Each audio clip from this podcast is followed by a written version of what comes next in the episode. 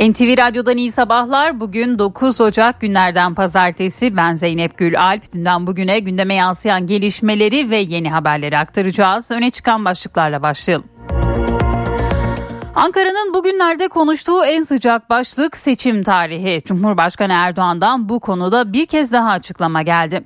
Cumhurbaşkanı Antalya'da AK Parti kadın kolları tarafından düzenlenen programda seçim tarihinin öne alınacağını yineledi.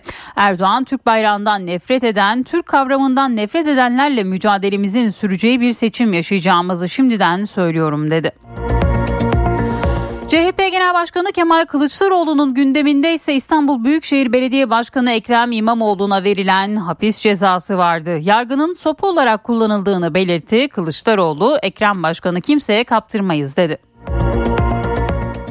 İyi Parti Genel Başkanı Meral Akşener'in gündeminde de seçimler vardı. Akşener 2023 seçimlerinde partisinin birinci kendisinin de başbakan olacağını söyledi.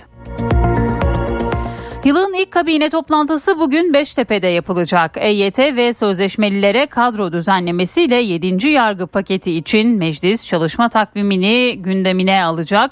Cumhurbaşkanı Erdoğan'ın başkanlığındaki toplantıda enflasyonla mücadelede yeni yılda atılacak adımlar da ele alınacak.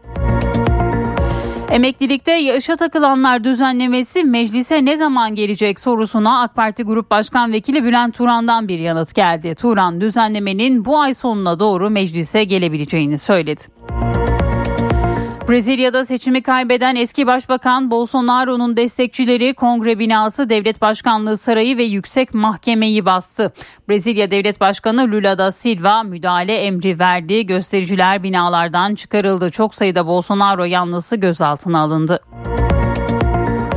Rusya Savunma Bakanlığı Ukrayna'nın geçen hafta Rus kışlasına yaptığı saldırının intikamını aldıklarını açıkladı. Bakanlık Ukrayna'da bir askeri kışlayı vurduklarını ve 600 Ukrayna askerinin öldürüldüğünü iddia etti. İsveç Başbakanı Kristersson Türkiye'nin ülkesinin NATO'ya üyelik başvurusunu onaylayacağına inandığını söyledi. Ancak Kristersson ülkesinin Türkiye'nin desteği için Ankara'nın bütün taleplerini yerine getiremeyeceğini belirtti. Çin Covid-19 salgını nedeniyle kapattığı sınırlarını 3 yıl sonra açtı. Karantina zorunluluğunun bitişinin ardından bugün sabah saatlerinde ilk uluslararası uçuşlar Çin ana karasındaki havalimanlarına ulaşırken gümrük kapılarındaki yolcu ve yük geçişleri normale döndü. Türkiye'nin konuştuğu çöp evde bulunan çocukla ilgili yürütülen soruşturmada bir gelişme yaşandı. Teyze Kamuran Pınar Acar'ın ihmali davranışla adam öldürmeye teşebbüs, çocuğa eziyet, çocuğu kaçırma ve kişiyi hürriyetinden yoksun bırakma suçlarından 30 yıl 6 aya kadar hapis cezası istendi. İstanbul Fatih'te aracını aldığı 3 yolcu tarafından dövülen taksici hayatını kaybetti. Olayın ardından 3 zanlı polis ekipleri tarafından gözaltına alındı. İstanbul'da bir banka şubesinde müdür olarak çalışırken müşterilerine boş dekont imzalattırarak zimmetine 4,5 milyon dolar ve 500 bin sterlin geçirdiği suçlamasıyla 19 yıldır aranan şüpheli polis tarafından yakalandı.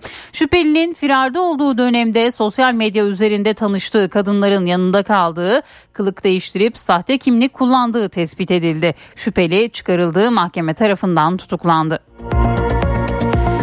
Mevsim normallerinin üzerinde seyreden hava sıcaklıklarıyla birlikte son 20 yılın en kurak kışını yaşayan Türkiye'ye yağış geliyor. Yurdun batısında etkisi, etkili olacak yağışların özellikle İzmir ve Antalya'da kuvvetli olması bekleniyor. Van'daki kar yağışı ise eğitime engel oldu. Van'ın İpek yolu Edremit ve Tuşba ilçelerinde taşımalı eğitime kar yağışı nedeniyle bir günlüğüne ara verildi. Ve Türkiye'nin konuştuğu derbi Spor Toto Süper Lig'in 18. haftasında dev derbide Fenerbahçe ile Galatasaray karşı karşıya geldi. Maç 3-0 sarı kırmızılı ekibin galibiyetiyle tamamlandı.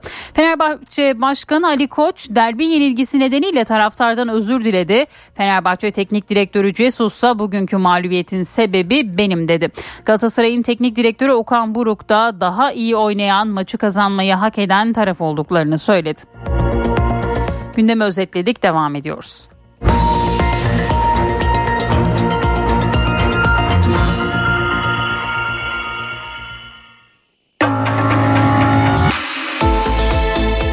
İşe giderken gazetelerin gündemi.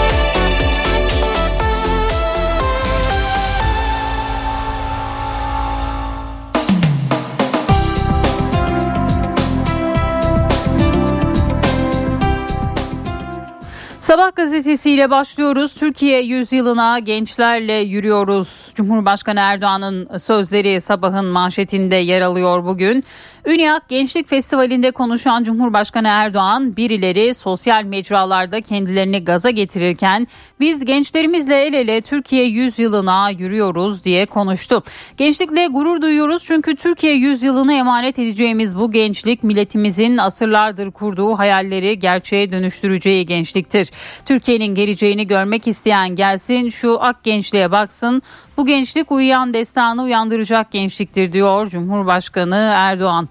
Doğduğu hastanede kızı Alya'yı doğurdu bir diğer başlık. Melisa Çimen 30 yıl önce doğduğu hastanede aynı doktor ve ebenin eşliğinde bebeğini dünyaya getirdi diyor Sabah gazetesi. Koca yürekli aile sevgiyle büyüdü bir diğer haber.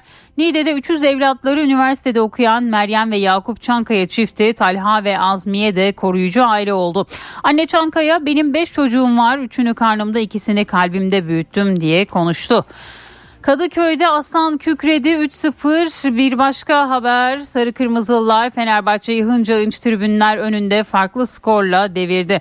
Galatasaray'a galibiyeti Oliveira, Kerem ve Icardi getirdi. Üst üste 7. maçını kazanan Cimbom haftayı Kanarya'nın 4 puan önünde lider tamamladı diyor Sabah gazetesi. Hürriyetle devam ediyoruz. 19 yıllık firar böyle bitti manşetini görüyoruz. Elbey Alemdağ banka müdürüydü. Müşterilerinin milyonlarca dolar parasıyla kayıplara karıştı. Tam 19 yıl kaçmayı başardı. Emekli maaşını çekerken yakayı ele verdi diyor Hürriyet gazetesi bu dolandırıcılık haberini bugün manşetine taşıyor. Ekrem Başkanı kaptırmayız bir diğer başlık. CHP Genel Başkanı Kemal Kılıçdaroğlu hiç kimse unutmasın Ekrem Başkanı kimseye kaptırmayız dedi. Nasıl olur da İBB Başkanı'nı görevden alırız bunun peşindeler. Onun hesap vereceği tek organ 16 milyon İstanbulludur. Seçimle gelen seçimle gider. Başkanın bir sonraki seçimde çok daha büyük oy alacağını biliyorlar diyor. Kemal Kılıçdaroğlu'nun bu sözleri de Hürriyet'in ilk sayfasında yer buluyor. 108 yıldır akan gözyaşı bir diğer başlık Kars'ın Sarıkamış ilçesinde bundan 108 yıl önce düzenlenen harekatta donarak şehit olan binlerce Mehmetçik yürüyüşle anıldı. Hava sıcaklığının eksi 10 derece olduğu bu özel günde binlerce vatandaş ellerinde bayraklarla anmaya katıldı diyor Hürriyet gazetesi. Milliyetle devam ediyoruz. Çizgi dışı 12'den vuruş manşetini görüyoruz. Türkiye savunma sanayindeki adımlarla başka bir ülkenin hava sahasına girmeden sınır ötesi hava operasyonu düzenleme kabiliyeti kazandı diyor. Milliyet gazetesi manşetinden gençlerle aramıza kimseyi sokmayız. Yine Cumhurbaşkanı Erdoğan'ın Ünyak Fest programında yaptığı konuşma bugün Milliyet'in ilk sayfasında. Bir diğer başlık gönüllü göçmenler ülkelerine gidemedi. Esenyurt Belediyesi dün otobüsle gönüllü olarak ülkelerine gidecek 36 Suriyelinin sabah evlerinden alınarak İl Göç İdaresi'ne götürüldüğünü duyurdu. Belediye Başkan Yardımcısı Veysel Bal programa CHP lideri Kılıçdaroğlu'nun katılacağı bilgisi nedeniyle böyle bir tasarrufa gidildiğini öne sürdü. Gönüllü dönüş için otobüslerse boş kaldı diyor Milliyet bugün. MHP'de adaylık istifaları 30'a yaklaştı. MHP'de milletvekili aday adayı olmak için istifalar başladı. 21 il başkanı istifa ettiğini sosyal medya hesabından duyurmuştu. Parti kaynakları bu sayının 30'a yaklaştığını söyledi diyor bugün Milliyet'te. Yeni Şafak'ın manşetinde göçmen şovu elinde patladı başlığını görüyoruz. Bir diğer haberse yeni evim Türkiye'yi %0,7 büyütecek. Orta gelirliler için 16 Ocak'ta başlayacak yeni evim kampanyasıyla 600 milyar liralık bir katma değer oluşacak diyor Yeni Şafak gazetesi. Adaylığımı buradan ilan etmiştim bir diğer haber. İBB Başkanı Ekrem İmamoğlu İyi Parti İstanbul İl Başkanlığı'nın Haliç Kongre Merkezi'nde düzenlenen 3. olan il kongresine katıldı. Burada bir de konuşma yapan İmamoğlu'nun 2019 seçimlerine atıf yaparak ben bu salonda adaylığımı ilan ederek yola çıkmıştım şeklindeki sözleri dikkat çekti. Yeni Şafak gazetesi de bu başlığa yer verdi. Postayla devam ediyoruz. Kahramanlara saygı manşetini görüyoruz. 108 yıl önce Sarıkamış'ın Allahu Ekber dağlarında donarak şehit olan on binlerce Mehmetçik Türkiye şehitleriyle yürüyor etkinliğiyle anıldı. Yurdun dört bir yanından gelen binlerce kişi ellerinde bayraklarla eksi 10 derecede şehitlerin yolunu bir kez daha kat etti diyor. Bugün Posta gazetesinin manşetinde yer alıyor bu başlıkta. Cumhuriyet'in manşetinde ise altılı masada çifte formül başlığını görüyoruz. Altılı masanın son liderler zirvesinde milletvekili aday listeleri konuşuldu. Yeni seçim yasası sonrası yapılan simülasyonlarla 8 seçenek belirleyen altılı masanın CHP, İyi Parti ve DEVA ya da CHP ve İyi Parti listeleriyle seçime gitmesi bekleniyor. En yüksek vekil sayısı için illerde kamuoyu araştırması yapılacak deniliyor. Yine Cumhuriyet gazetesinin manşetinde yer buluyor bu başlıkta. Şiddetsiz özgür bir yaşam istediler bir diğer haber. Kadınlar birlikte güçlü oluşumu dün Kadıköy'deki Beşiktaş iskelesinde kadınların isyanı e, değiştirecek sloganı ile eylem yaptı. Kadınlar 2023'ten beklentilerini tek tek sıraladı diyor. Cumhuriyet gazetesi. Kampanya konut fiyatlarını uçurdu bir diğer başlık iktidarın orta gelirliği ev sahibi yapma iddiasıyla açıkladığı kampanyayı duyan fırsatçılar fiyatları artırdı. Üsküdar'da 4 milyon 750 bin liralık 3 artı 1 ev 5 milyon 250 bin liraya Maltepe'de 2 milyon 950 bin liralık 2 artı 1 ev ise 3 milyon 500 bin liraya çıktı deniliyor. Bugün Cumhuriyet gazetesinde e, gazeteleri aktardık. Şimdi bir ara vereceğiz. Birazdan haberlerin ayrıntılarına bakacağız. NTV Radyo, Türkiye'nin haber radyosu.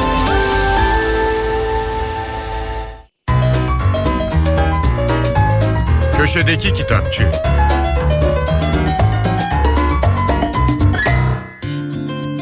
Merhaba, ben Adnan Bostancıoğlu. Çağdaş Yunan edebiyatının önde gelen isimlerinden Nikos Kazantzakis'in ölümünden yıllar sonra keşfedilen ve ilk kez 2022'de yayınlanan romanı Yokuş can yayınlarından çıktı. Kitabı Türkçe'ye Harun Ömer Tarhan çevirmiş. Romana geçmeden önce Nikos Kazantzakis'in hayatını hatırlayalım isterseniz. Kazantzakis 1883 yılında Girit Osmanlı yönetimindeyken Kandiye'de dünyaya geldi. Atina Üniversitesi'nde hukuk okudu. 1907'de ise felsefe eğitimi için Paris'e gitti. Ünlü filozof Henri Bergson'la çalışma imkanı buldu. 1911 yılında evlendi. Bir yıl sonra Balkan Savaşı patlayınca orduya katıldı. Savaş bittikten sonra ülkesine geri döndü ve klasik felsefi metinleri Yunanca'ya çevirme çalışmalarına başladı. 1922'den ölümüne kadar aralarında Fransa, Almanya, İtalya, Rusya, İspanya, Mısır, Çin ve Japonya'nın da olduğu birçok ülkeyi dolaşarak gezi yazıları yazdı. 1945'te küçük bir sol partinin başkanlığını üstlendi, hükümette bir yıl bakanlık yaptı. 1957 yılında Nobel Edebiyat Ödülünü bir oy farkı ile Albert Camus'e kaptırdı. Camus ödül aldıktan sonra Kazancakis'in bu ödülü kendisinden yüzlerce kez daha fazla hak ettiğini söylemiş. 1957'de lösemi hastalığına yakalanan Kazancakis o yılın sonunda Almanya'nın Freiburg kentinde hayata veda etti. Ortodoks kilisesi mezarlıkta defnedilmesine izin vermediğinden Girit adasında Kandiye'yi çevreleyen Venedik surlarının kale burçlarından birinin altına gömüldü. Şehrin en yüksek tepesi olan Martinego'daki mezar taşında kendisine ait şu yazıt yer almakta. Hiçbir şey ummuyorum. Hiçbir şeyden korkmuyorum. Özgürüm. Kazancakis'in 1924'te yazmaya başladığı ve 1938'de yayımlanana kadar 7 defa yeniden yazdığı Odisea devam kitabı en önemli eser olarak kabul edilir. 33.333 mısradan oluşan eser Homeros'un Odiseyasını yazarın bıraktığı yerden yapısal olarak tamamen koruyarak devam ettirip tamamlamaya amaçlar. Kazancakis'in romanlarından bazıları Zorba, Kaptan Mihalis, Günaha Son Çağrı, Yeniden Çarmıha Gerilen İsa. Denemeleri içinde en çok bilineni de El Greco'ya mektuplar. Bugün bahsini ettiğimiz yokuş Kazancakis'in kendi deneyimlerinden ve görüşlerinden izler barındıran coşkulu ve melankolik bir eser. Genç ve ihtiraslı yazar Kosmas, İkinci Dünya Savaşı'ndan sonra eşi Noemi ile birlikte Girit'e döndüğünde bir cennet gibi hatırladığı memleketinin yerinde yıllar süren savaşın tanınmaz hale getirdiği bir ada bulur. Her zaman ters düştüğü babası ölmüştür ve adanın büyük reislerinden dedesi de ölüm döşeğindedir. Kosmas yaşadığı kayıplardan ve karşılaştığı manzaralardan sonra dünyada yeni bir kardeşliği egemen kılacak kişilerin kendisi gibi insanlar olduğuna karar verir. Herkese iyi okumalar, hoşçakalın. Köşedeki Kitapçı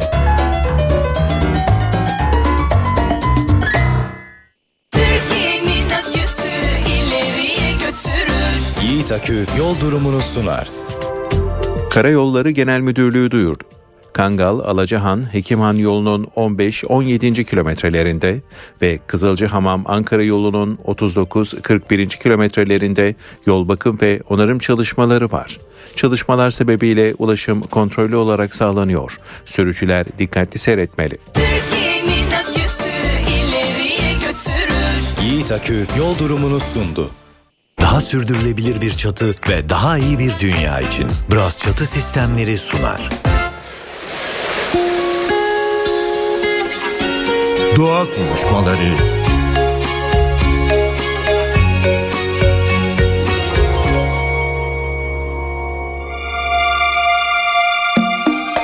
WWF Türkiye Yaban Hayat Uzmanı Ahmet Emre Kütükçü bizimle. Hoş geldiniz Ahmet Bey. Merhaba, hoş buldum. Buzulların erimesi mevzusu hakikaten bu iklim krizinin ilk belki de patlak verdiği konulardan biri. Çok konuşuyoruz zaten, radyomuzda çok gündeme getiriyoruz. Bir konu daha var tabii ki. Hayvan türleri üzerinde nasıl bir etkisi olacak? Tekrar gündeme getirmek istedik açıkçası. Sizden genel bir değerlendirme rica etsek. Yani buzulların erimesinin genel olarak dünya üzerine yaşayan hayvan türleri üzerine nasıl bir etkisi olacak? Tabii özellikle Türkiye'yi merak ediyoruz. Türkiye'deki türleri nasıl etkileyecek? Nasıl bir etkisi olacak onların yaşama açısından? Yani bu sonuçta esas olarak deniz seviyesinde bir artış öngörülüyor. Bu özellikle dünyada daha da hassas bir ekosisteme sahip olan diğer ekosistemlere göre ada ekosistemlerindeki türler için ciddi bir baskı oluşturduğu biliniyor. Bu türler hem iklim değişikliğine bağlı işte şiddet artan, sıklığı artan kasırgalar gibi durumlara karşı korunaksızlar. Hem de gitgide artan deniz seviyesi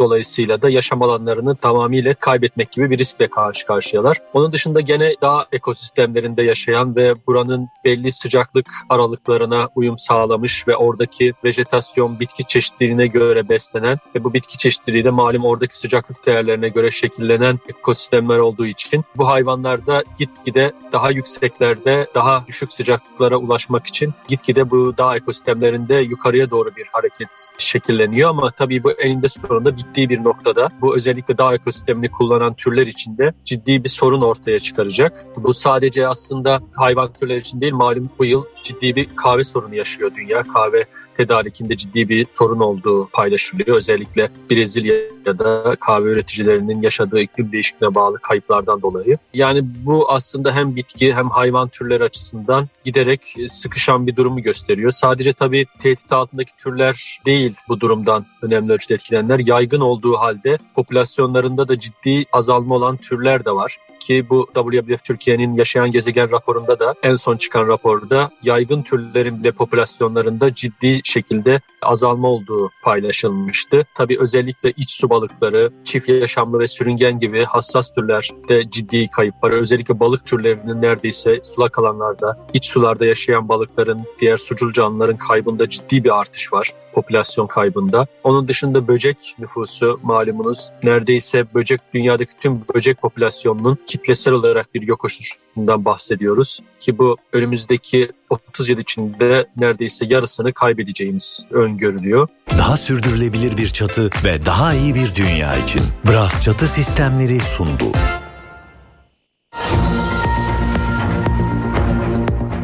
NTV Radyo'da öne çıkan haberlerle yayındayız. Hafta yine yoğun bir gündemle başlıyor. Ankara artık seçime iyice odaklanmış durumda. Geçen hafta Cumhurbaşkanı Erdoğan seçimin öne alınabileceğinin mesajlarını vermişti. Dün de aynı mesajı yineledi. Antalya'da AK Parti Kadın Kolları tarafından düzenlenen programda konuşan Cumhurbaşkanı muhalefete de eleştiriler yöneltti. Cumhuriyetimizin 100. yaşını kutlayacağımız 2023'te ülkemiz aynı zamanda demokrasi tarihinin en kritik seçimlerinden birini yapacaktır. Belki tarihini birazcık öne alacağımız seçimlerle ilgili hazırlıklarımızı zaten uzun bir süredir yürütüyorduk. Şurada artık bir 4-5 ay gibi dönemde ana kademe, kadın kolları, gençlik kolları yoğun bir çalışma yapıp inşallah sandıkları patlatırcasına sandıklardan neticeyi alacağız ve 2023'ten sonrasını da Türkiye'de biz imar edeceğiz. Türk milletini birilerinin ayak oyunlarına, ihtiraslarına, yüksek gerilim hattına mahkum etmemekte kararlıyız. Türk bayrağından nefret eden, Türk kavramından nefret edenlerle mücadelemizin süreceği bir seçimi yaşayacağımızı şimdiden söylüyorum. CHP Genel Başkanı Kemal Kılıçdaroğlu ise İstanbul'daydı. İstanbul Büyükşehir Belediye Başkanı Ekrem İmamoğlu'nun hapis cezası gündemindeydi. Yargıyı sopa, kullan, e, sopa olarak kullanıyorlar dedi. Kılıçdaroğlu Ekrem Başkanı kimseye kaptırmayız söylemini de yineledi. Nasıl olur da biz İstanbul Büyükşehir Belediye Başkanlığı görevden alırız. Bunun arayışı içindeler.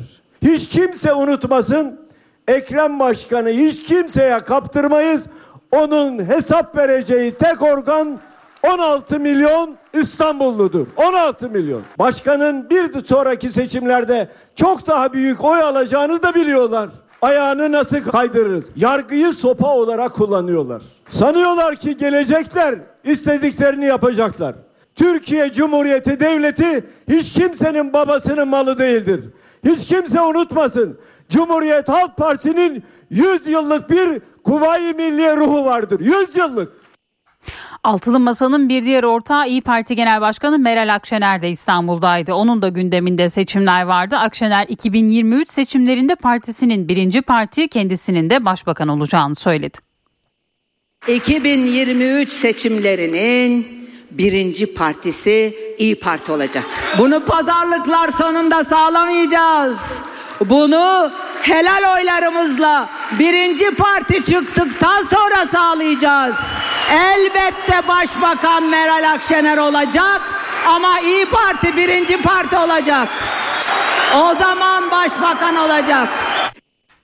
Bugün gözler Ankara'da olacak çünkü yılın ilk kabine toplantısı bugün yapılacak. Toplantıda 7. yargı paketine son şeklinin verilmesi bekleniyor.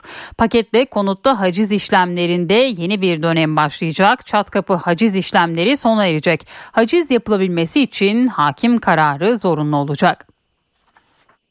2023'ün ilk kabine toplantısı Cumhurbaşkanı Recep Tayyip Erdoğan başkanlığında Beştepe'de yapılacak. Toplantıda 2023 yılının hedefleri masaya yatırılacak. Toplantının gündeminde 7. yargı paketi de olacak. Düzenlemeye ilişkin Adalet Bakanı Bekir Bozdağ bir sunum yapacak. 7. yargı paketiyle konutta haciz işlemlerinde yeni bir dönem başlayacak. Çat kapı haciz işlemleri sona erecek. Haciz yapılabilmesi için hakim kararı zorunlu olacak. Evdeki kişisel eşyayla televizyon, buzdolabı, çamaşır makinesi gibi ortak kullanım eşyası da haciz kapsamının dışında olacak. Paketle ara buluculuğun kapsamı genişletilirken bağımlılık yapma özelliği fazla olan sentetik uyuşturucu ve uyarıcı maddeler uyuşturucu madde kabul edilecek.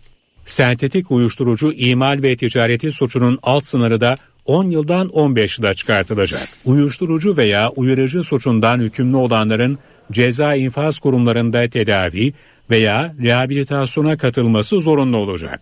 Yeni yargı paketiyle göçmen kaçakçılığında ceza alt sınırı 3 yıldan 5 yıla çıkartılacak.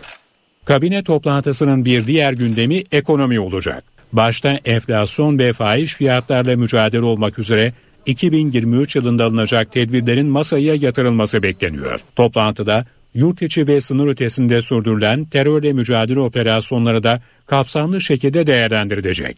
Terörle mücadelede 2023 yılında gerçekleştirilecek operasyonlara ilişkin ilgili bakanların geniş kapsamlı bir sunum yapması bekleniyor.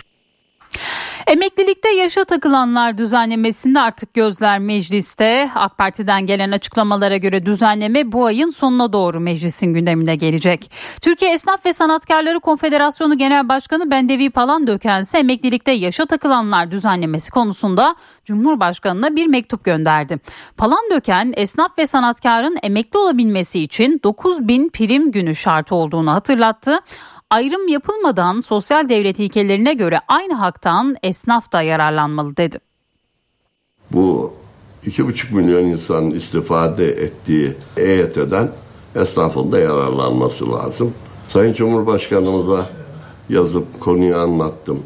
Yine aynı şekilde Çalışma Sosyal Güvenlik Bakanımıza anlattım. Emeklilikte yaşa takılanlar düzenlemesinden faydalanmak isteyen esnaf ve sanatkar prim şartının düzenlenmesini istiyor. Türkiye Esnaf ve Sanatkarları Konfederasyonu Genel Başkanı Bendevi Palandöken, konuya ilişkin Cumhurbaşkanı Recep Tayyip Erdoğan'a mektup gönderdi. Palandöken, bağ kurulları için belirlenen 9 bin gün prim şartının SSK'lılar için belirlenen 5 bin gün prim şartıyla eşitlenmesini talep etti.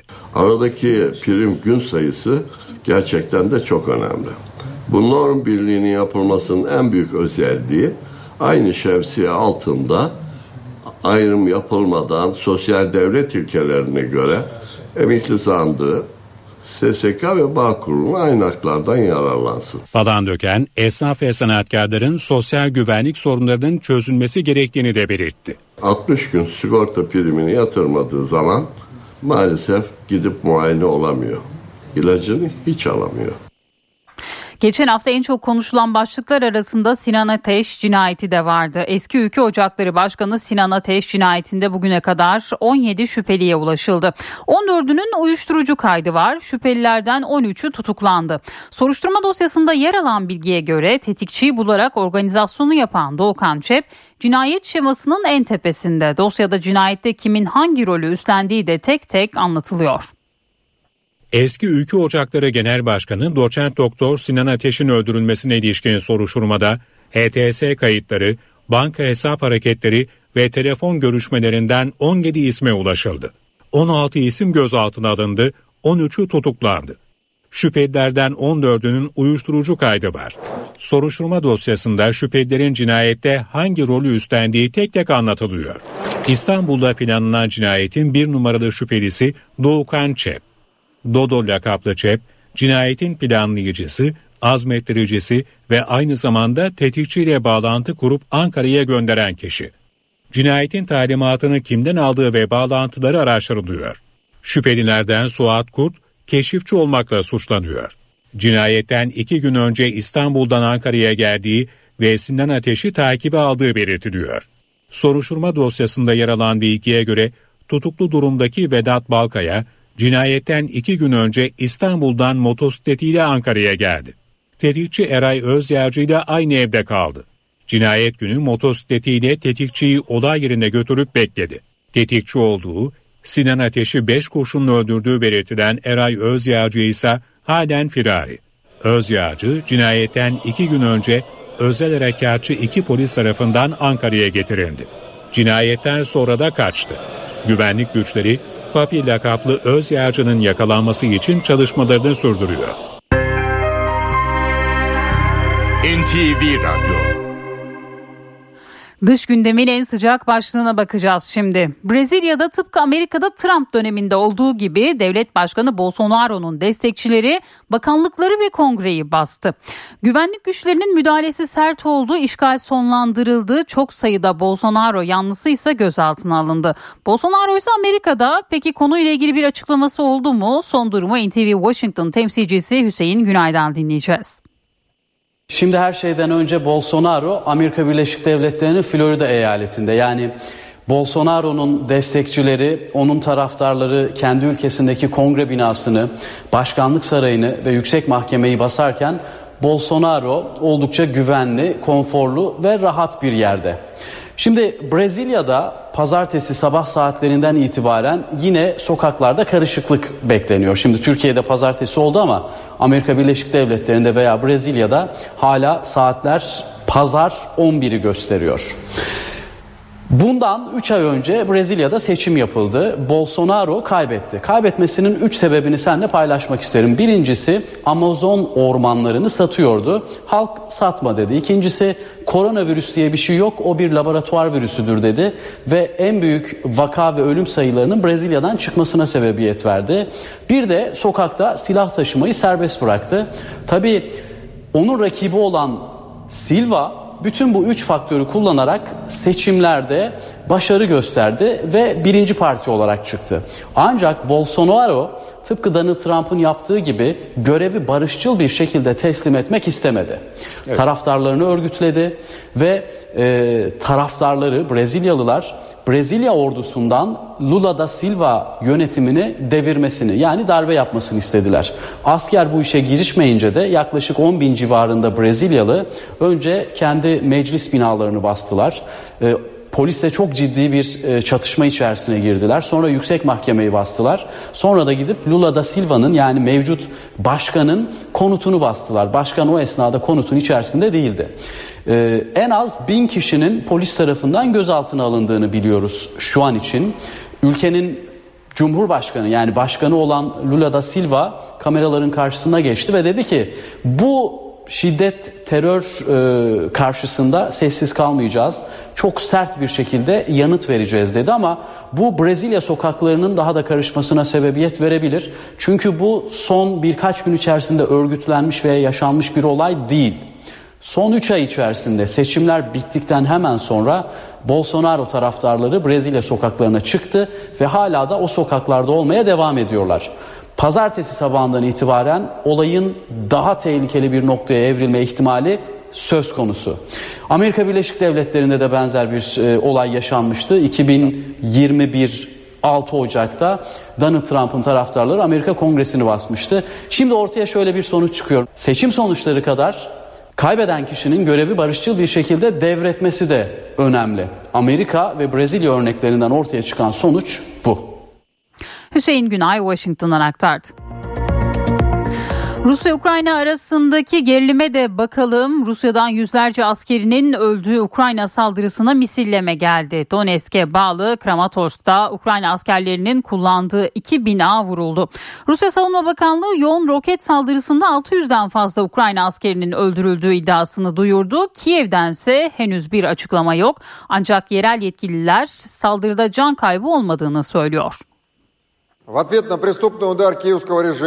Rus askeri komutanlığı Kiev rejiminin Ocak 2023'ün ilk dakikalarında Rus askeri personelinin Makivka yakınlarında geçici olarak bulunduğu yere düzenlediği saldırıya yanıt olarak bir intikam operasyonu yürütmüştür.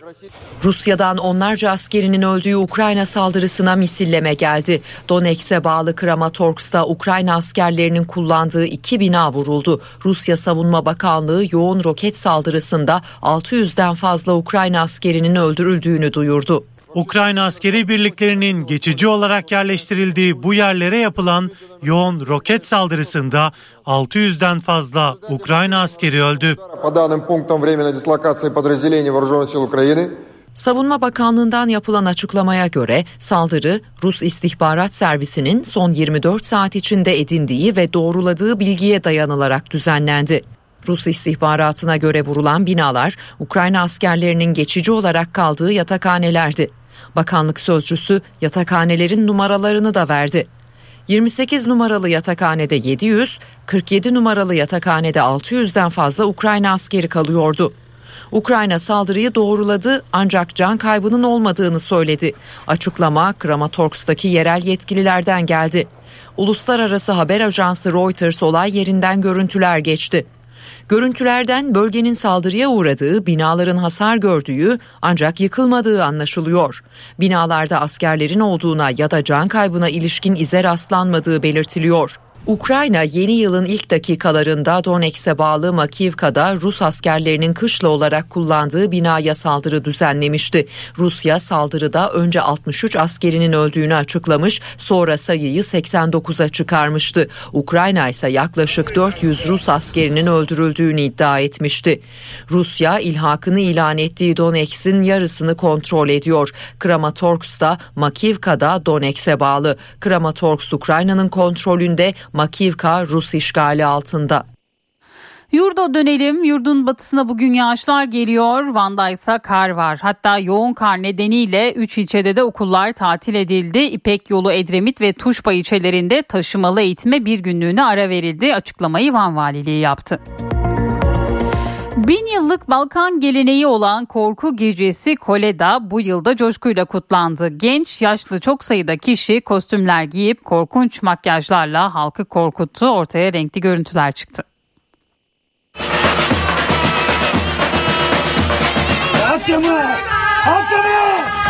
Çeşit çeşit maskeler, kostümler, korkunç makyajlar. Bin yıllık gelenek yine sürdü. Kırklareli sokaklarında korku gecesi kutlandı.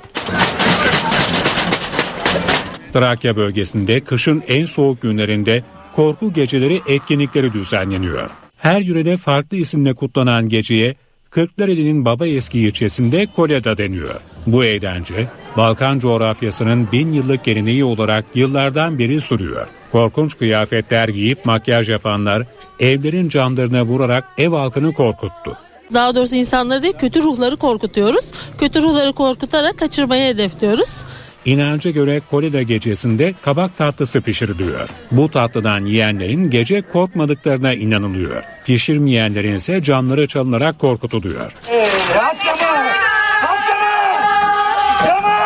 Gençlerimiz çıkıp hanelerde şarkılar söylüyor. Onlara güzel temenni dileklerde bulunuyor. Biz bu gece kabaklarımızı pişiriyoruz, mısırlarımızı kaynatıyoruz. Korku gecesinin sonunda konserler verildi. Halk gönüllerince eğlendi. NTV Radyo, Türkiye'nin haber radyosu. HDI Sigorta İstanbul'un yol durumunu sunar. İstanbul'da aralıklı pus var. Bu saat itibariyle trafikte yoğunluk %54 seviyelerinde. Her iki köprüde de yoğunluk başladı. Anadolu yakasında köprüye giderken Beylerbeyi Libadiye bağlantı yolu arasında Tem'de ise Kavacık İkbal Caddesi arasında trafik yoğunluğu gözleniyor. D100'de Kozyatağı Küçük Yalı arası yoğun. Avrasya Tüneli çift taraflı açık. Avrupa yakasına gelindiğinde E5'te Avcılar Küçükçekmece Tem'de ise Esenyurt Altınşehir arasında sabah trafiği var. HDI Sigorta İstanbul'un yol durumunu sundu.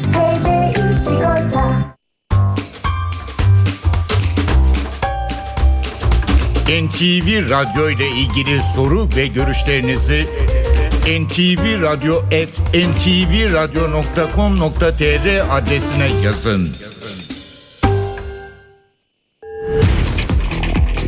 Spor haberleri başlıyor.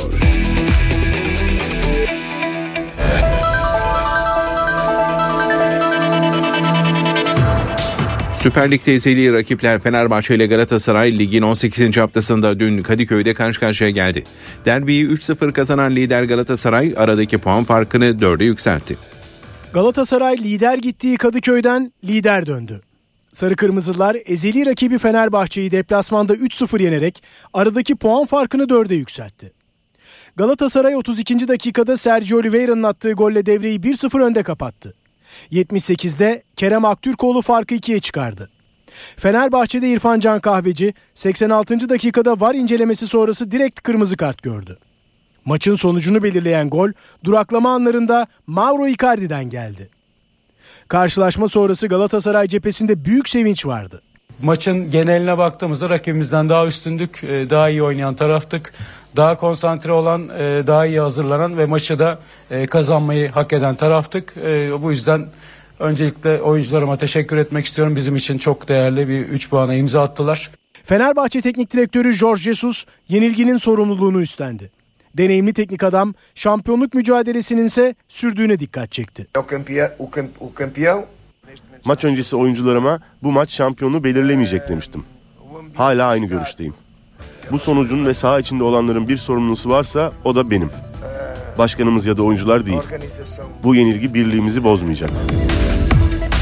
Spor Toto Süper Lig'de 18. hafta bugün oynanacak 3 karşılaşmayla tamamlanacak program şöyle. Saat 17'de Medipol Başakşehir Adana Demirspor'la karşı karşıya gelecek. Saat 20'de iki maç var. İstanbul Spor Gaziantep Futbol Kulübü'nü Korendon Alanya Spor'da Trabzonspor ağırlayacak. Novak Djokovic 2023'e şampiyonlukla başladı. Maç puanı çevirdiği Adelaide International finalinde Sebastian Korda'yı yenen Sırp tenisçi kariyerindeki 92. şampiyonluğa ulaştı. Djokovic sezonun ilk Grand Slam'i Avustralya açığa 34 maçlık galibiyet serisiyle gidiyor. 35 yaşındaki tenisçi yükselen formuyla 16 Ocak'ta başlayacak Avustralya açığın en büyük favorisi. Geçen yıl aşı krizi sebebiyle sezonun ilk Grand Slam'ine katılamayan Djokovic, Melbourne'de mutlu sona ulaşırsa 10. kez Avustralya açık şampiyonu olacak. Teniste bir yıldız daha sezonun ilk Grand Slam'inden çekildi. Naomi Osaka, Avustralya açıkta mücadele etmeyecek. Japon sporcu turnuvadan çekilme gerekçesini açıklamadı. 2019 ve 2021'de Avustralya açığı kazanan Osaka, 2021'den beri depresyon ve anksiyete ile mücadele ettiği için birçok turnuvaya katılmamıştı. Daha önce tek erkeklerde dünya bir numarası İspanyol Carlos Alcaraz ve tek kadınlarda 2003 ile 2017 Avustralya açık finalisti Amerika Birleşik Devletleri Venus Williams sakatlıkları nedeniyle organizasyonda yer alamayacaklarını duyurmuştu.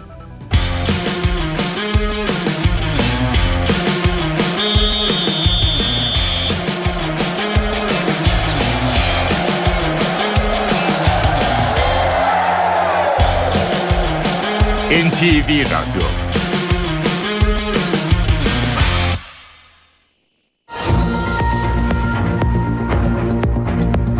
NTV Radyo'da yeni saati karşılıyoruz. Bu saate kadar gündemde hangi başlıkların öne çıktığına bakalım. Ankara'nın bugünlerde konuştuğu en sıcak başlık seçim tarihi. Cumhurbaşkanı Erdoğan bu konuda bir kez daha konuştu. Cumhurbaşkanı Antalya'da AK Parti Kadın Kolları tarafından düzenlenen programda seçim tarihinin öne alacağın, alınacağını yineledi. Erdoğan, Türk bayrağından nefret eden, Türk kavramından nefret edenlerle mücadelemizin süreceği bir seçim yaşayacağımızı şimdiden söylüyorum dedi. CHP Genel Başkanı Kemal Kılıçdaroğlu'nun gündeminde ise İstanbul Büyükşehir Belediye Başkanı Ekrem İmamoğlu'na verilen hapis cezası vardı. Yargının sopa olarak kullanıldığını belirtti. Kılıçdaroğlu Ekrem Başkanı kimseye kaptırmayız dedi. İyi Parti Genel Başkanı Meral Akşener'in gündeminde de seçimler vardı. Akşener 2023 seçimlerinde partisinin birinci kendisinin de başbakan olacağını söyledi. Yılın ilk kabine toplantısı bugün Beştepe'de yapılacak. EYT ve sözleşmelilere kadro düzenlemesiyle 7. yargı paketi için meclis çalışma takvimi gündeminde olacak. Cumhurbaşkanı Erdoğan'ın başkanlığındaki toplantıda enflasyonla mücadelede yeni yılda atılacak adımlar da ele alınacak. Emeklilikte yaşa takılanlar düzenlemesi meclise ne zaman getirilecek sorusuna AK Parti Grup Başkan Vekili Bülent Turan'dan bir yanıt geldi. Turan düzenlemenin bu ay sonuna doğru meclise gelebileceğini söyledi.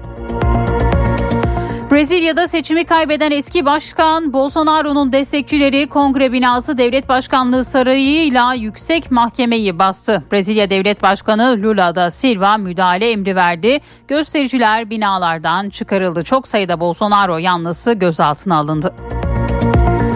Rusya Savunma Bakanlığı Ukrayna'nın geçen hafta Rus kışlasına yaptığı saldırının intikamını aldıklarını açıkladı. Bakanlık Ukrayna'da bir askeri kışlayı vurduklarını ve 600 Ukrayna askerinin öldürüldüğünü iddia etti. İsveç Başbakanı Kristersson Türkiye'nin ülkesinin NATO'ya üyelik başvurusunu onaylayacağına inandığını söyledi. Ancak Kristersson ülkesinin Türkiye'nin desteği için Ankara'nın bütün taleplerini yerine getiremeyeceğini belirtti.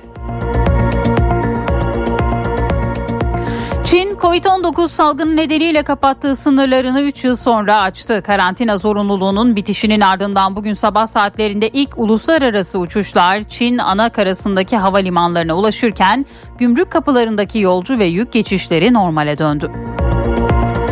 Türkiye'nin konuştuğu çöp evde bulunan çocukla ilgili yürütülen soruşturmada bir gelişme yaşandı. Teyze Kamuran Pınar Acar'ın ihmali davranışla adam öldürmeye teşebbüs, çocuğa eziyet, çocuğu kaçırma ve kişiyi hürriyetinden yoksun bırakma suçlarından 30 yıl 6 aya kadar hapis cezası istendi. İstanbul Fatih'te aracını aldığı 3 yolcu tarafından dövülen taksici hayatını kaybetti. Olayın ardından 3 zanlı polis ekipleri tarafından gözaltına alındı. İstanbul'da bir banka şubesinde müdür olarak çalışırken müşterilerine boş dekont imzalattırarak zimmetine 4,5 milyon dolar ve 500 bin sterlin geçirdiği suçlamasıyla 19 yıldır aranan şüpheli polis tarafından yakalandı. Şüphelinin firarda olduğu dönemde sosyal medya üzerinden tanıştığı kadınların yanında kaldığı, kılık değiştirip sahte kimlik kullandığı tespit edildi. Şüpheli çıkarıldığı mahkeme tarafından tutuklandı. Mevsim normallerinin üzerinde seyreden hava sıcaklıklarıyla birlikte son 20 yılın en kurak kışını yaşayan Türkiye'ye yağış geliyor. Yurdun batısında etkili olacak yağışların özellikle İzmir ve Antalya'da kuvvetli olması bekleniyor. Van'daki kar yağışı ise eğitime engel oldu. Van'ın İpek Yolu, Edremit ve Tuşba ilçelerinde taşımalı eğitime kar yağışı nedeniyle bir günlüğüne ara verildi. Ve Türkiye'nin konuştuğu derbi Spor Toto Süper Lig'in 18. haftasında dev derbide Fenerbahçe ile Galatasaray karşı karşıya geldi. Maç 3-0 Sarı Kırmızılı ekibin galibiyetiyle tamamlandı. Fenerbahçe Başkanı Ali Koç derbi ilgisi nedeniyle taraftardan özür diledi. Fenerbahçe Teknik Direktörü Cesus bugünkü mağlubiyetin sebebi benim dedi.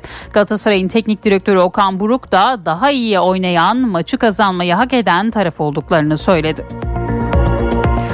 Bu sabahın öne çıkan başlıkları böyleydi. Devam edelim.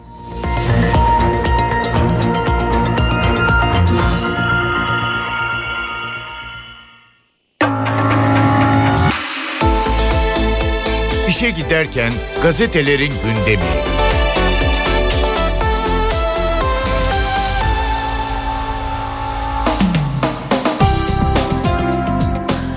Sabah gazetesiyle başlıyoruz. Türkiye yüzyılına gençlerle yürüyoruz manşetini görüyoruz. Cumhurbaşkanının sözleri sabahın manşetinde Ünyak Gençlik Festivali'nde konuşan Cumhurbaşkanı Erdoğan Birileri sosyal mecralarda kendilerini gaza getirirken biz gençlerimizle el ele Türkiye 100 yılına yürüyoruz dedi. Gençlikle gurur duyuyoruz çünkü Türkiye 100 yılını emanet edeceğimiz bu gençlik milletimizin asırlardır kurduğu hayalleri gerçeğe dönüştüreceği gençliktir. Türkiye'nin geleceğini görmek isteyen gelsin şu ak gençliğe baksın bu gençlik uyuyan destanı uyandıracak gençliktir. Son dönemde birileri ısrarla kuşakları harflerle etiketleyerek bizimle gençlerimizin arasını açmaya çalışıyor. Gençlerimizle aramıza hiç kimsenin girmesine izin vermeyeceğiz. AK Parti dün olduğu gibi bugün de yarın da gençlerimizden en çok oyu olan parti olmayı sürdürecektir diyor Cumhurbaşkanı Erdoğan. Doğduğu hastanede kızı Ayla'yı doğurdu bir diğer başlık. Melisa Çimen 30 yıl önce doğduğu hastanede aynı doktor ve ebenin eşliğinde bebeğini dünyaya getirdi. Elizabeth ve Çetin Yorulmaz çiftinin kızları Melisa 30 yıl önce Marmaris'te operatör doktor Servet Baysal ve ebe Meral Şener tarafından gerçekleştirilen doğumla dünyaya geldi. Evlenen ve hamile kalan Melisa Çimen'in doğumunu da aynı hastanede doktor Baysal ve ebe Şener gerçekleştirdi diyor ve fotoğraflarına da yer veriyor. Sabah Sabah gazetesi bugün. Koca yürekli aile sevgiyle büyüdü bir diğer başlık. Niğde'de 300 evlatları üniversitede okuyan Meryem ve Yakup Çankaya çifti Talha ve Azmiye de koruyucu aile oldu. Anne Çankaya benim 5 çocuğum var. Üçünü karnımda ikisini de kalbimde büyüttüm diyor. Kadıköy'de Aslan kükredi 3-0 bir diğer başlık Sarı Kırmızılılar Fenerbahçe'yi hınca hınç tribünler önünde farklı skorla devirdi. Galatasaray'a galibiyeti Oliveira, Kerem ve Icardi getirdi. Üst üste 7. maçını kazanan Cimbom haftayı Kanarya'nın 4 puan önünde lider tamamladı diyor Sabah gazetesi bugün. Hürriyetle devam ediyoruz. 19 yıllık firar böyle bitti manşetini görüyoruz. Elbeyi Alemdağ Banka Müdürüydü. Müşterilerinin milyonlarca dolar parasıyla kayıplara karıştı. Tam 19 yıl kaçmayı başardı. Emekli maaşını çekerken yakayı ele verdi.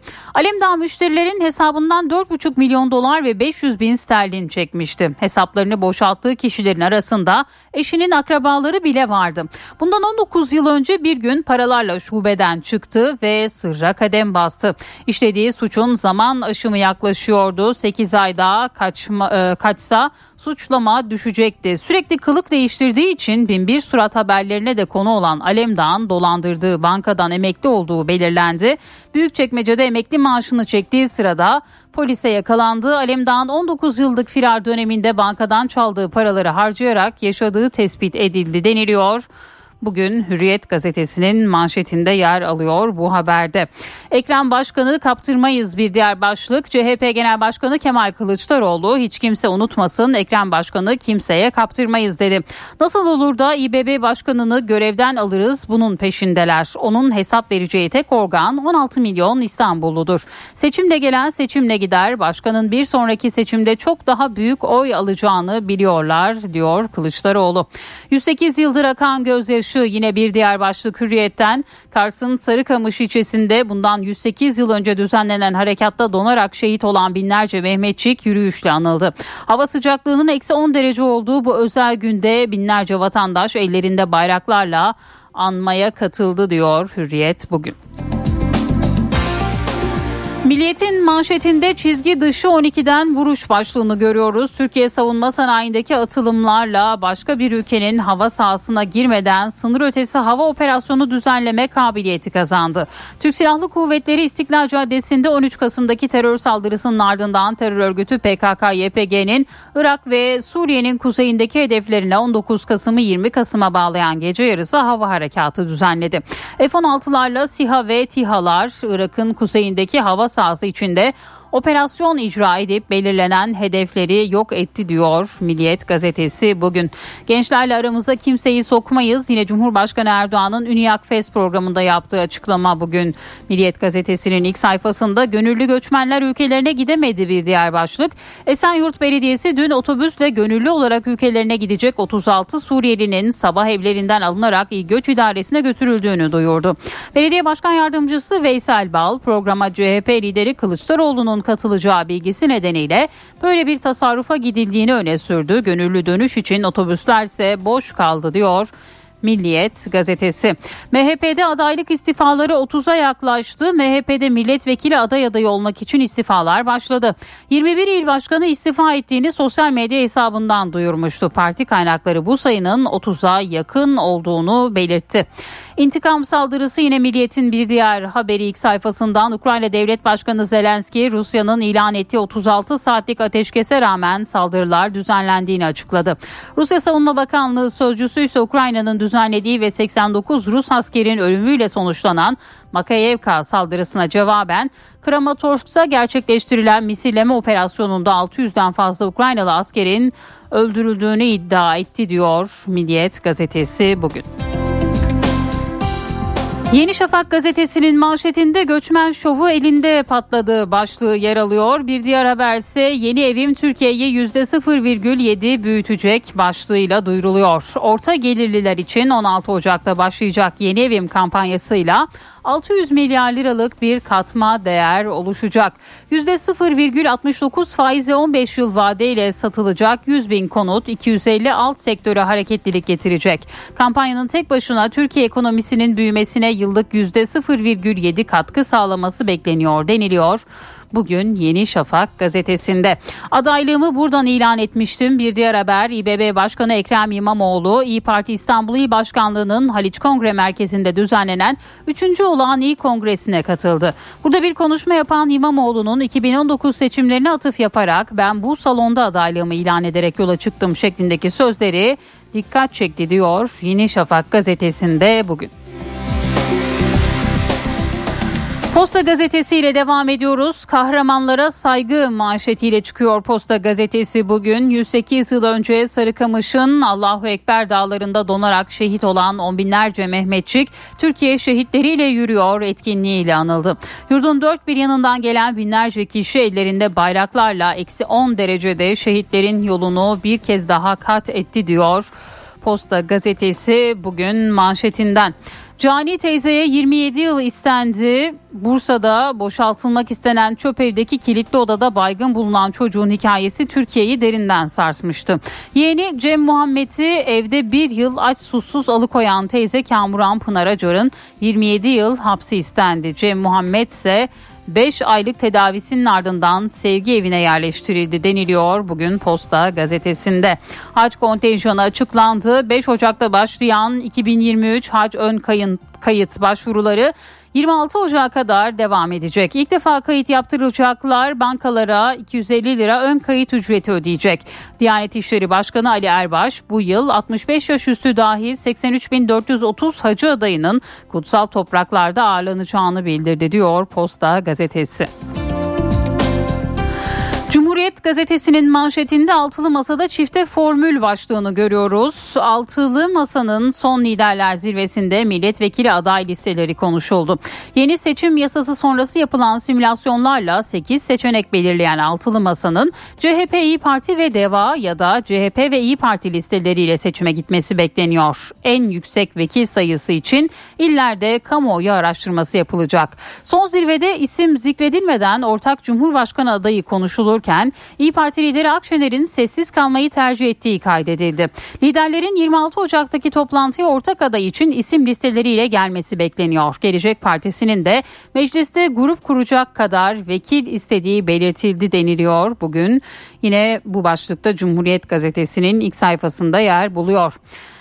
Şiddetsiz özgür bir yaşam istediler bir diğer başlık. Kadınlar birlikte güçlü oluşumu dün Kadıköy'deki Beşiktaş iskelesinde kadınların isyanı değiştir, e, değişici, değiştirecek sloganıyla eylem yaptı. Kadınlar 2023'ten beklentilerini tek tek sıraladı diyor bugün Cumhuriyet gazetesi. Kampanya konut fiyatlarını uçurdu bir diğer başlık. İktidarın orta gelirliği ev sahibi yapma iddiasıyla açıkladığı kampanyayı duyuran fırsatçılar fiyatları artırdı. Üsküdar'da 4 milyon 750 bin liralık 3 artı 1 ev 5 milyon 250 bin liraya, Maltepe'de 2 milyon 950 bin liralık 2 artı 1 evse 3 milyon 500 bin liraya çıktı diyor bugün Cumhuriyet gazetesi. NTV Radyo Evdeki Hesap Profesör Murat Ferman hafta içi her gün ekonomideki güncel gelişmeleri NTV Radyo dinleyicileri için yorumluyor. Günaydın Sayın Ferman mikrofon sizde. Zeynep Gül Hanım günaydın iyi bir gün iyi yayınlar diliyorum. Çip cephesinde savaş kızışıyor. Evet modern dünyanın aslında var olmasını ve ilerlemesini teknolojiyle, dijitallikle mümkün olduğunu biliyoruz. Bunun ana maddesi de çip.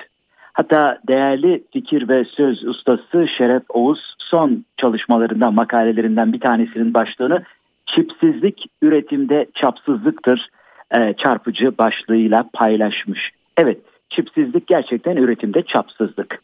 Çünkü 2030 yılı itibariyle dünyada an itibariyle 8 milyar olan nüfus 8,5 milyara çıkacak ama 30 milyar akıllı şey veya akıllı unsur yani arabadan işte akıllı çaydanlığa kadar her şey bizimle beraber var olmaya, bizim hayatımızın e, şeklini tayin etmeye, biçimlendirmeye devam edecek. O bakımdan çip stratejik bir unsur. E, geçtiğimiz e, Ekim ayının sonunda 5 yıldır üzerinde çalıştığı bir kitabı tamamlayan Tufts Üniversitesi doçentlerinden e, Chris Miller da gerçekten çip savaşlarında bu noktayı ele alıyor. Ee, ekonomi basınının e, önde gelen ismi Financial Times'ın yılın kitabı seçtiği çip savaşlarında meslektaşımız Miller enteresan bir tespitte bulunuyor. Diyor ki e, artık dünyadaki güç mücadelesinde çipler ön planda eski soğuk savaşın e, galibini e, belirleyen unsurlar veya faktörler neyse bundan sonra da çipler aynı rolü oynayacak. Chris Miller'ın bu konuya heves etmesi aslında enteresan bir tespitle başlıyor. O tespit hakikaten önemli. Belki de birlikte paylaşmanın tam zamanı. Dünyanın önde gelen ikinci ekonomisi Çin e, dışarıdan harcadığı e, yani ithalat rakamlarına baktığınızda petrolden çok çip ithalatına para ediyor. Evet bir kere daha tekrarlayalım. Çin'in dış alımında bir numaralı unsur çip. Evet Anlaşılıyor ki dünyada bir numaraya oynamaya çalışan Çin kendi üretim kapasite yetersizliğini veya ihtiyacını dışarıdan temin etmeye çalışıyor. Nitekim Çin özellikle kritik veya e, süper hızlı denilen kondüktör veya yarı iletken çip unsurunda geri kalmış durumda. E, nanometre üzerinden ölçülüyor çiplerin kapasitesi. Nanometre nedir? İnsan saç telinin çapının 10 binde biri. İnsan saç telinin çapının 10 binde biri ve genelde 5 nanometrenin e, aşağısında olanlara kritik veya süper hızlı iletkenler veya yarı iletkenler çipler deniliyor. E, bunların e, üretme kapasitesi bakımından Çin biraz geride kalıyor e, ve dünyada aslında e, küresel çip üretim kapasitesinin %75'i Asya ülkelerinde. Tayvan biliyorsunuz bu konuda en öne çıkanlardan bir tanesi. Güney Kore çok önemli ataklar yapıyor. En son e, gelecek 5 yıl içerisinde 260 milyar dolarlık bir çok iddialı e, projeyi açıkladı. Amerika Birleşik Devletleri CHIPS başlığı altında çok önemli bir yasal düzenleme yaptı. E, Avrupa'nın önde gelen çip üretim makina üreticilerinden veya tedarikçilerinden Hollandalı bir firmaya üzerine bir takım ambargolar veya Çin'le iş yapmasını engelleyici düzenlemeler getirmeye çalışıyor. Ticaret savaşları artık bir, bir parça çip savaşlarına dönmüş oluyor. Tabii netice itibariyle şunu da söyleyelim akıllı telefonlarda vesairede bu çipler aslında e, toplam üretim maliyetinin neredeyse yarısını çip maliyeti oluşturuyor. Dolayısıyla hani otomobil meselesinde gördüğümüz üzere e, sıkıntılı zamanlarda maliyet artışlarının karşılam, karşılamak durumunda kalan da tüketiciler olacak. Evet önümüzde 2030'a doğru giderken 1.35 trilyon dolarlık yeni yatırımlar çip konusu uluslararası rekabet ve mücadelenin yeni kulvarı olacak. Bilmekte, takip etmekte fayda var. Çünkü nesneleri akıllandıran olağanüstü adeta sihirli bir enstrümandan, çipten bahsediyoruz. Evet, çipsizlik üretimde çapsızlıktır. Ve çapsız üretimle de yüksek katma değere ve rekabetçi avantaja ulaşmak mümkün değil ve selam. Bu genel bilgi paylaşımı ve değerlendirme çerçevesinde değerli dinleyenlerimize katma değeri yüksek ve yüksek katma değerli bir gün diliyor. Huzurlarınızdan hürmetlerle ayrılıyorum. Profesör Murat Ferman'la evdeki hesap sona erdi. Kaçırdığınız bölümleri www.ntvradio.com.tr adresinden dinleyebilirsiniz. Dünya markası Bras çatı sistemleri finans bültenini sunar. Borsa İstanbul Yüz Endeksi 5341 seviyelerinde dolar 18.77 euro 20.06'dan işlem görüyor. Euro dolar paritesi 1.06. Altının onzu 1876 dolar. Kapalı çarşıda gram altın 1132. Çeyrek altın 1871 liradan satılıyor. Brent petrolün varil fiyatı ise 79 dolar. Dünya markası Bras çatı sistemleri finans bültenini sundu. NTV Radyo Renklerin ötesinde, hayatın her köşesinde Sandeko Boya hava durumunu sunar. Eşsiz boya, eşsiz mekanlar. Sandeko. Yarın yurdun batısına yağış geliyor. Marmara'da Lodos'ta sıcaklık artıyor. Güneş bol. İstanbul sabah puslu. Sıcaklık 16 derece. İç Anadolu'da sis ve don var. Ankara'da hava 7 derece. Ege'de hava kalitesi çoğu noktada hassas seviyeye indi. İzmir bugün 18 derece. Yarınsa kuvvetli yağmur olacak. Akdeniz'de bahar havası Güneydoğu'da ayaz var. Doğu Anadolu'da kurak bir hafta. Kuvvetli don var. Karadeniz'in doğusundaki yağışlarsa kesiliyor. Benzersiz duvarlar artık hayal değil. Sandeko Boya hava durumunu sundu. Eşsiz boya, eşsiz mekanlar. Sandeko. Şimdi bir ara verelim birazdan yine burada olacağız. NTV Radyo, Türkiye'nin haber radyosu.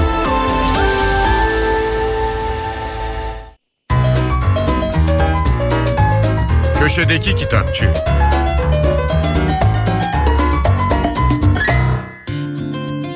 Merhaba, ben Adnan Bostancıoğlu. Popüler bilim kitapları yazarı Barry Parker'ın Einstein'ın Parlak Buluşu isimli çalışması Siyah kitaptan yayımlandı. Alt başlığı görelilik nispeten kolaylaştı olan kitabı dilimize Alper Hayreter çevirmiş. Bugün kime sorsak Einstein'ın için dahi yakıştırması yapacaktır.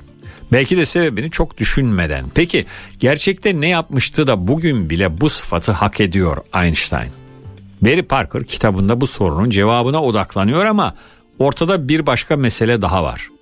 Einstein'ın yaşadığı dönemde en saygın bilim insanlarından bazılarının bile güçlükle anladıkları teoriler bizim gibi sıradan faniler tarafından nasıl anlaşılabilir?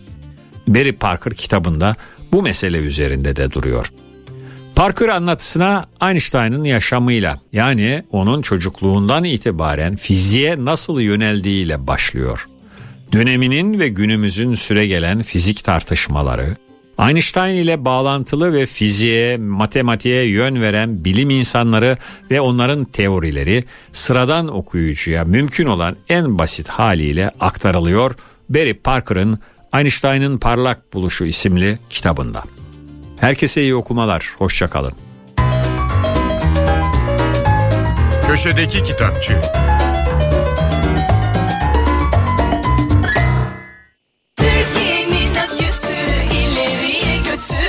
Yiğit Akü yol durumunu sunar. Karayolları Genel Müdürlüğü duyurdu. Selçuk Ortaklar Aydın yolunun 27-41. kilometrelerinde ve Aydıncık Silifke yolunun 25-28. kilometrelerinde yol bakım ve onarım çalışmaları yapılıyor. Çalışmalar sebebiyle ulaşım kontrollü veriliyor. Sürücüler dikkatli seyretmeli. Yiğit Akü yol durumunu sundu. Araç takipte liderlerin tercihi Mobiliz risk haritasını sunar. Ülke batıdan başlayarak yağışlı havanın etkisine giriyor. İç ve Doğu Anadolu'da sis ve don bugün de etkili olacak. Ulaşımda aksamalar yaşanabilir. Ege bölgesinde ise hava kalitesi hassas seviyeye indi. Solunum rahatsızlığı olanlar dikkatli ve tedbirli olmalı. Araç takipte liderlerin tercihi Mobiliz risk haritasını sundu. NTV Radyo, Türkiye'nin haber radyosu.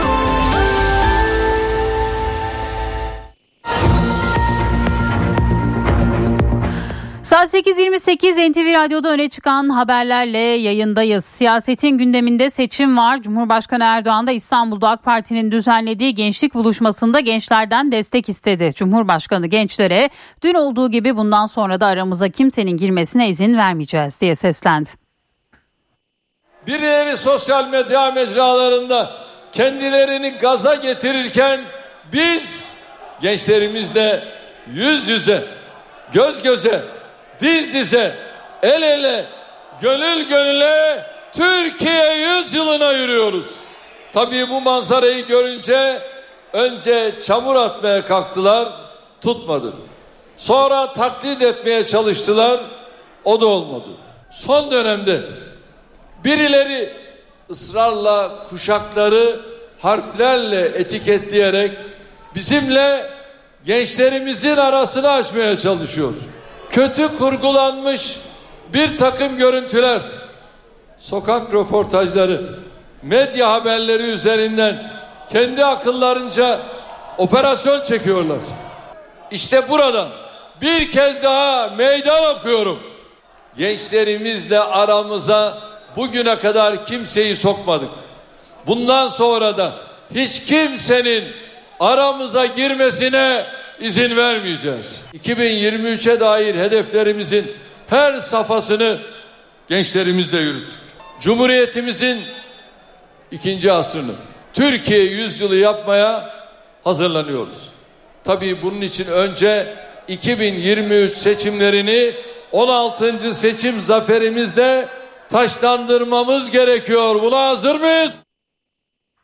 Seçim tarihinin ne zaman olacağı merak ediliyor. AK Parti'nin 14 Mayıs üzerinde durduğu belirtiliyor. Muhalefet ise 6 Nisan'dan sonra gelecek bir tarihe destek vermeyiz diyor. Dün Cumhurbaşkanı seçimin öne çekileceğini bir kez daha yinelemişti. Konuyla ilgili AK Parti'den de açıklama var. Cumhurbaşkanımız anayasanın kendisine verdiği yetki gereği seçim kararı aldıktan sonra biliyorsunuz hemen bu resmi gazetede yayınlanacak demektir. O yayınlanmadan sonra da 60 günden sonraki ilk pazar seçim var demektir. Siyasette gözler Cumhurbaşkanlığı ve milletvekili genel seçimlerinin yapılacağı tarihe çevrildi. Cumhurbaşkanı Recep Tayyip Erdoğan seçim tarihinin öne alınacağını söylemişti. AK Parti Grup Başkan Vekili Bülent Turan ise seçimlerin yenilenmesi kararını Cumhurbaşkanı'nın alacağını açıkladı. Mart başında Cumhurbaşkanımız karar alırsa Mayıs'ın e, ortalarında aldığı tarihe göre olması imkanı vardır. Mart'ın sonunda alırsa Mayıs'ın sonunda olma imkanı vardır gibi. Erken seçim talebimiz yok. 18 Haziran'a en yakın tarihte, en makul tarihte yapmayı istiyoruz. Seçimlerin yapılması gereken tarih 18 Haziran. Ancak haç mevsimi, kurban bayramı ve okulların tatile girmesi gibi etkenler nedeniyle yeni bir tarih arayışına girildi. Hac var o tarihlerde. Okulların kapanması var. Ramazan bayramı gibi kurban bayramı gibi iki tane önemli bayramımız var.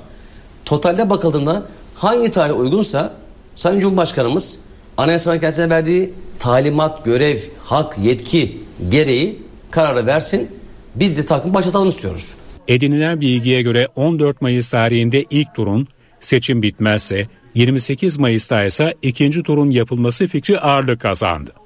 Seçim tarihinin öne alınması için iki yol var. İlki meclis kararı. Bunun için 360 oya ihtiyaç var. Ancak muhalefet yeni seçim kanununun yürürlükte olacağı 6 Nisan sonrasındaki bir tarihe karşı çıkıyor. İkinci yolsa Cumhurbaşkanının anayasada hakkını kullanarak seçimlerin yenilenmesi kararı alması. Cumhurbaşkanının kararı önce resmi gazetede yayımlanacak. 60 gün sonra ilk pazarsa seçimler yapılacak. Bugün 2023'ün ilk kabine toplantısı Cumhurbaşkanı Erdoğan başkanlığında Beştepe'de yapılacak. Toplantıda 2023 yılının hedefleri ele alınacak. Toplantının gündeminde ise 7. yargı paketi olacak. Düzenlemeye ilişkin Adalet Bakanı Bekir Bozdağ bir sunum yapması bekleniyor. Kabine toplantısının bir gün bir diğer gündemi de ekonomi olacak. Başta enflasyon ve fahiş fiyatlarla mücadele olmak üzere 2023 yılında alınacak tedbirlerin masaya yatırılması bekleniyor. Toplantıda yurt içi ve sınır ötesinde sürdürülen terörle mücadele operasyonları da kapsamlı şekilde değerlendirilecek. Terörle mücadelede 2023 yılında gerçekleştirilecek operasyonlara ilişkin ilgili bakanların geniş kapsamlı bir sunum yapması da bekleniyor. Milyonlarca kişinin gözü kulağı ise emeklilikte yaşa takılanlar düzenlemesine ilişkin kanun teklifinde artık süreç mecliste aslında bu hafta gündeme gelmesi bekleniyordu ama AK Parti Grup Başkan Vekili Bülent Turan teklifin en geç Ocak ayı sonunda meclise sunulacağını söyledi. Şubat'ın ortalarına kadar da yasalaşacağını umduğunu belirtti. EYT'lilerin ilk emekli maaşlarını ne zaman alacağı da yürürlük tarihiyle ortaya çıkmış olacak. Bu hafta meclisin gündeminde önemli düzenlemeler de var. Onlardan biri memur ve emekli emekli maaşı zammı düzenlemesi teklife göre kamu görevlilerinin aylık ve ücretleriyle malüllük, yaşlılık ve ölüm aylıklarında artış oranı %30 olarak uygulanacak. Emeklilere ve hak sahiplerine ödenen malüllük, yaşlılık ve ölüm aylıkları için asgari ödeme tutarı 5500 lira olarak belirlenecek. Halkların Demokratik Partisi'nin kapatılması davasında süreç sürüyor. Yarın Yargıtay Cumhuriyet Başsavcısı Bekir Şahin mahkeme heyetine sözlü açıklamasını sunacak.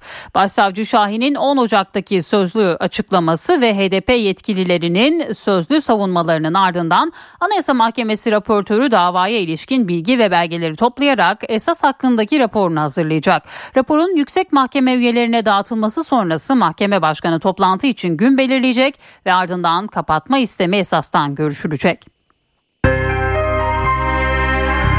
NTV Radyo Dış gündemin önemli başlıklarına da bakalım. Brezilya'da eski devlet başkanı Bolsonaro'nun destekçileri, bakanlıkları ve kongre binasını bastı. Güvenlik güçlerinin müdahalesi sert oldu. İşgal sonlandırıldı. Kongre ve bakanlıklarda yaklaşık 3 saatte kontrol sağlandı. Çok sayıda Bolsonaro yanlısı ise gözaltında. Brezilya'da eski devlet başkanı Jair Bolsonaro destekçileri başkent Brezilya'da kongre binasını ve devlet kurumlarını bastı. Kaybettikleri seçimin sonucuna itiraz eden Bolsonaro destekçileri ordunun 1 Ocak'ta yemin eden Lula da Silva yönetimine müdahale etmesini talep etti.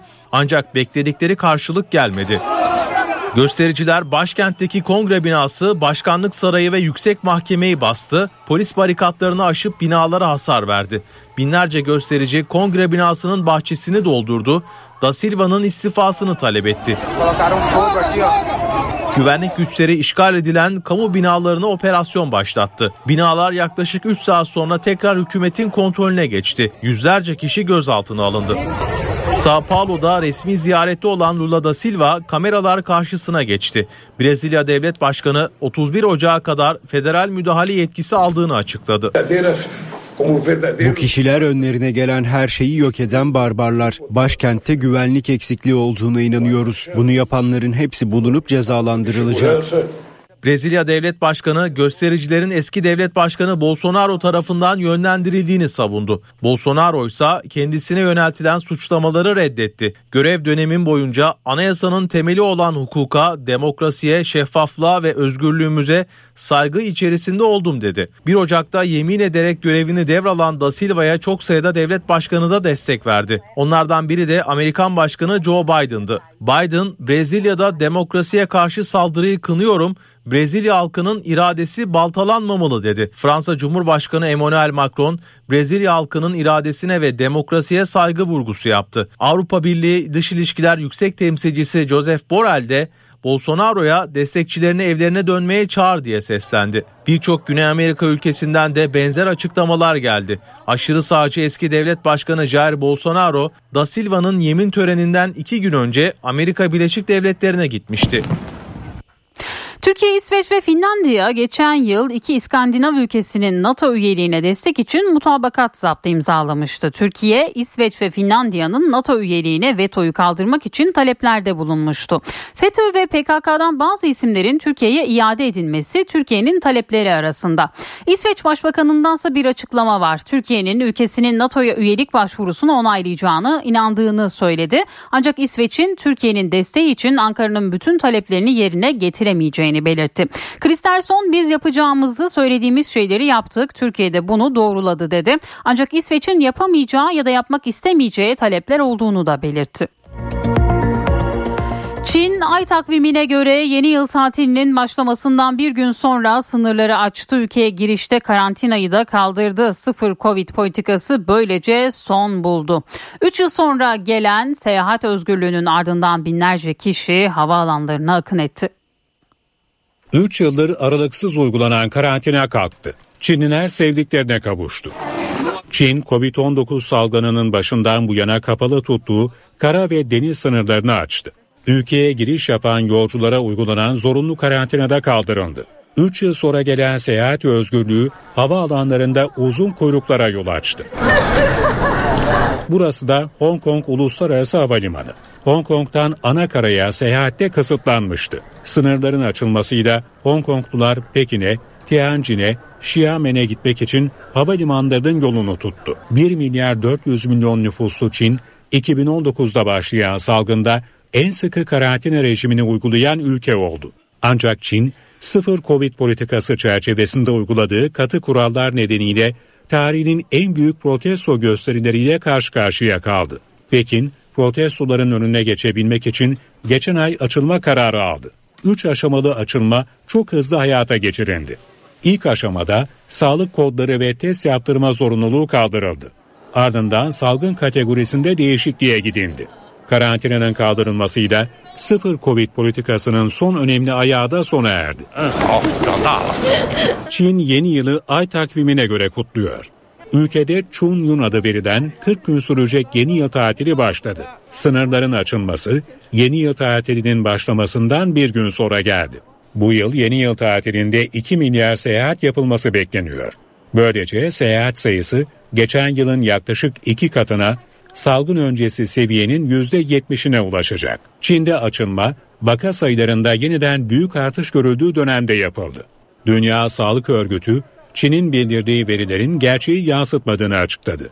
Örgüte göre Pekin hastaneye yatanların ve ölenlerin sayısını eksik bildiriyor. Hatırlayacaksınız günlerce Bursa'da çöp evde bulunan 9 yaşındaki Cem Muhammed'i konuşmuştuk. Teyzesi tarafından bir yıl boyunca çöp evde tutulan çocuk bulunduğunda bitkindi, vücudunda da yaralar oluşmuştu. Şimdi ise durumu her geçen gün daha iyiye gidiyor. Onu bu hale getiren teyzesine istenen ceza ise belli oldu. 30 yıl 6 aya kadar hapis cezası istendi. Aa, biri, içeride biri var. İçeride çocuk. Orada içeride biri var. Bir yıl boyunca odaya kilitlendi. Hastaneye kaldırıldığında 17 kiloydu. Bulunmasaydı ölümüne neden olabilirdi. Küçük çocuğu çöplerle doldurduğu evde alıkoyan teyzesine 30,5 yıla kadar hapis cezası istendi. Bursa Nilüfer'de 2 yıldır kirası ödenmeyen evi tahliye etmek için binaya giden ekipler çöp yığınlarıyla karşılaştı. Evin kilitli bir odasındaysa atıkların içinde yatan 9 yaşında bir çocuk baygın halde bulundu. Apartman sakinlerinden ve çevreden sürekli bize e, şikayette bulunuyorlardı. Hani ev çok kokuyor bir an önce hani mahkemeden kararı alın gelin. Çünkü yaşanılacak gibi değil. E, bırak evi komple binayı koku sarmıştı. Yaklaşık bir yıldır odada kilitli tutulduğu düşünülen çocuğun saçlarıyla tırnaklarının uzadığı, çok zayıfladığı ve vücudunda yaralar olduğu göründü. 9 yaşındaki Cem Muhammed'i çöp evde alıkoyan teyzesi Kamuran Pınar Acar olayın ardından tutuklandı. Çocuksa tedavisinin ardından sevgi evine yerleştirildi. Bursa Cumhuriyet Başsavcılığı'nın yürüttüğü soruşturma 5 ayda tamamlandı. İki Cumhuriyet Savcısı tarafından 7 sayfalık iddianame hazırlandı. Çöp evde tutulan Cem Muhammed'in ifadeleri de iddianamede yer aldı. Çocuğun beslenme ihmali nedeniyle organlarında ve vücudunda kalıcı hasar olabileceği, bulunmasaydı ölümüne sebebiyet vereceği kaydedildi. Cem, teyzesi ve kuzeninin çöp atmama sıkıntısı olduğunu, evde yatarak vakit geçirdiğini anlatarak teyzesinin ara sıra kendisine vurduğunu belirtti. İddianamede yer alan ifadesine göre teyzesi bazen ceza olarak kendisini tek ayak üzerinde bekletiyordu. Ayrıca iddianamede Kamuran Pınar Acar'ın suçları esnasında ceza sorumluluğunu etkileyecek herhangi bir akıl hastalığı ve zayıflığının saptanmadığının altı çizildi. Teyze hakkında 30 yıl 6 aya kadar hapis cezası istendi. Kamuran Pınar Acar'ın yargılanmasına Mart ayında başlanacak. Yurdun büyük bir kısmına kış bir türlü gelmedi hala bahar havasını yaşıyoruz ama Doğu Anadolu ve Doğu Karadeniz bölgelerinde beklenen kar yağdı. Yüksek kesimlerde kar kalınlığı 40 santimetrelere kadar çıktı. Çok sayıda köy yolu ulaşıma kapandı. Van'daki kar yağışı ise eğitime engel oldu. Van'ın İpek yolu Edremit ve Tuşba ilçelerinde taşımalı eğitime kar yağışı nedeniyle bir günlüğüne ara verildi. Kurak geçen dönemin ardından kar etkisini gösterdi. Yollar ulaşıma kapandı, karın olmadığı yerlerse adeta buz tuttu. Van'da kar kalınlığı kent merkezinde 5, yüksek kesimlerde ise 20 santimetreye ulaştı. Karla mücadele ekipleri harekete geçti. Kentte 30 yerleşim yerinin yolu ulaşıma kapandı. Hakkari'de de kapanan 9 köy yolu için ekipler harekete geçti. Kapanan yolların açılması için mesai harcandı. Bu seneki karaya çok ihtiyacımız var. Van Gölü zaten bayağı çekildiğinden dolayı kuraklık yaşıyoruz. İnşallah kar yağmaya devam eder. Muş'ta da kar özellikle yüksek kesimlerde etkili oldu. 10 köyde 21 meza yolu kardan dolayı kapandı. Ekipler kapanan yolları açmak için çalışma başlattı. Kar Doğu Karadeniz'de de şiddetini arttırdı. Yaylalarda kar kalınlığı 40 santimetreye kadar çıktı. Rize ve Artvin'de 119 köy yolu ulaşıma kapandı. Eskişehir'de ise hava sıcaklığı sıfırın altında 2 dereceyi gördü. Borsuk çayının bir bölümü buz tuttu. Geçen sene bu aylarda bir eksi onları falan görmüştük. Kar da yağmıştı. Hani o yüzden e, bayağıdır aslında kışı bekliyoruz. Geç geldiğini düşünüyoruz. Erzurum'da da benzer görüntüler vardı. Kurak geçen dönemin ardından Ocak ayı ile birlikte hava sıcaklığı mevsim normalde döndü. Termometrelerin sıfırın altında 10 dereceyi gördüğü kentte şadırvanların kenarı buz tuttu. NTV Radyo, Türkiye'nin haber radyosu. HDI Sigorta İstanbul'un yol durumunu sunar. İstanbul'da bu saat itibariyle trafikte yoğunluk %60 seviyelerinde. Her iki köprüde de yoğunluk var. Anadolu yakasında köprüye giderken Beylerbeyi Çamlıca arasında. Tem'de ise İkbal Caddesi ile Kavacık arasında bir yoğunluk var. D100'de Göztepe Bostancı arası yoğun. Avrasya Tüneli çift taraflı açık. Avrupa yakasına gelindiğinde yoğunluk E5'te Avcılar'dan Tem'de ise Esenyurt'tan başlıyor. HDI Sigorta İstanbul'un yol durumunu sundu. HDI Sigorta